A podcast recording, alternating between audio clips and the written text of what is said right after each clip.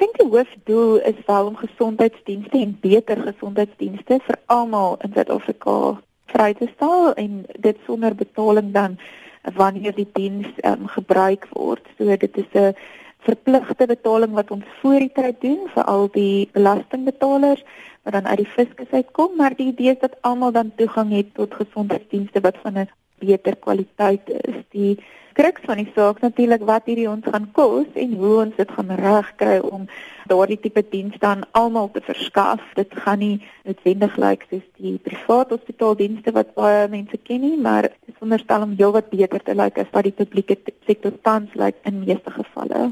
Gaan ons nog die reg hê om na ons eie privaat dokters toe te gaan?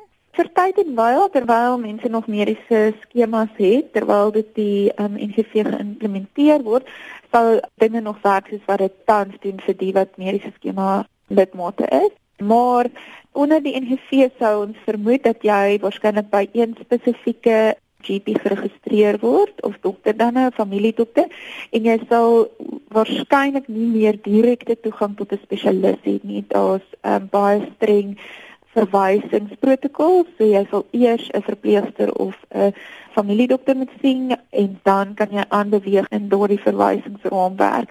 So jy gaan by een spesifieke dokter geregistreer word of jy keuse gaan hê of nie, twyfel ek, maar dit is 'n baie moeilike vraag en jy sal in elk geval moet bly waar jy dan aanvanklik geregistreer word vir sover as moontlik. Dis maar om die betalingsreg te kry, hoe daardie dokters betaal moet word en sulke tipe goed. Hoe gaan dit die dokters raak? Hoe gaan dit hulle fooie raak? Dit is 'n baie interessante vraag want ons het um, te min dokters in Suid-Afrika in totaal om genoeg dienste te lewer. So om nou dienste te verhoog en te vermeerder, gaan ons waarskynlik heelwat meer nodig hê. Dis 'n groot probleem en natuurlik het 'n skaarste van enige bronne 'n groot effek op die prys daarvan. Wat die planne sonder die NGV is wel om 'n prys vas te stel of te reguleer as jy dit sou wil stel.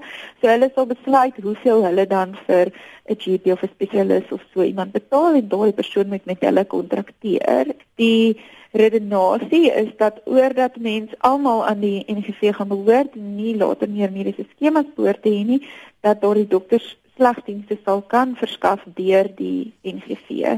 Dit is een van die groot argumente vir kostebesparings is dat dit hulle dan laer pryse sal kan betaal oor dit daar net een betaler is wat dan hierdie pryse besluit. Ons weet natuurlik dat dokters is mobiele bronne en hulle kan skuif van een land na 'n ander een en hulle wel mens nie daarvoor sou hoop nie, is dit baie moontlik dat hulle groener waarvelde iewers anders soek as hulle nie genoeg betaal word nie.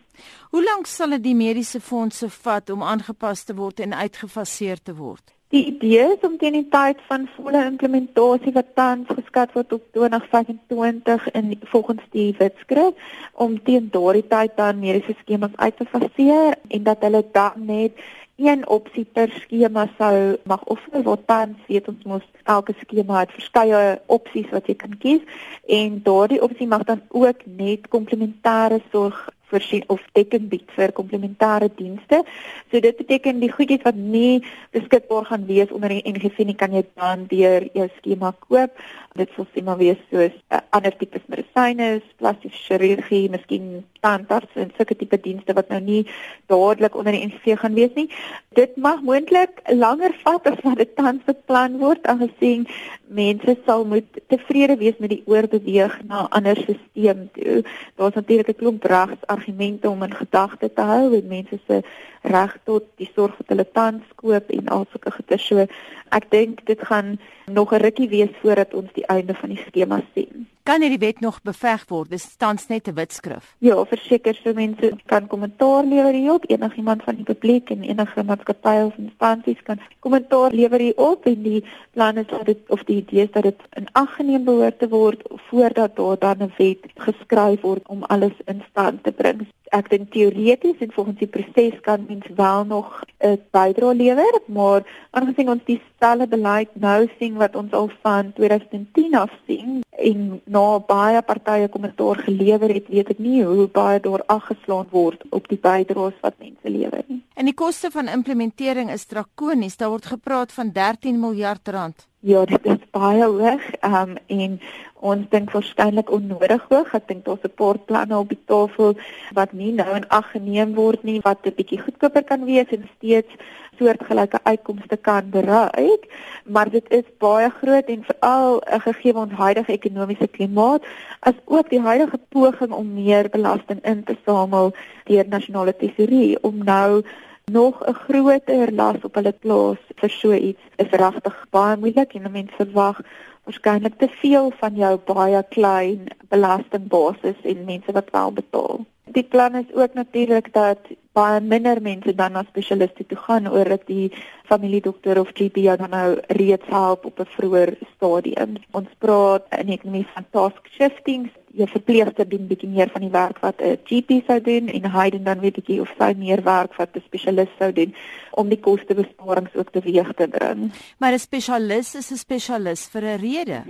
'n dokter en 'n verpleegster is nie so goed opgelei nie. Verseker, hulle word wel ondergebruik op die oomblik in Suid-Afrika oor ons gewoontes daaraan om direk na spesialiste te gaan. Die vraag dink ek is eerder of mense wat kies om hulle eie besteedbare inkomste gebruik om direk 'n spesialist te gaan sien, dan nou verhoed mag word om dit te doen. Is jy ten gunste van die plan?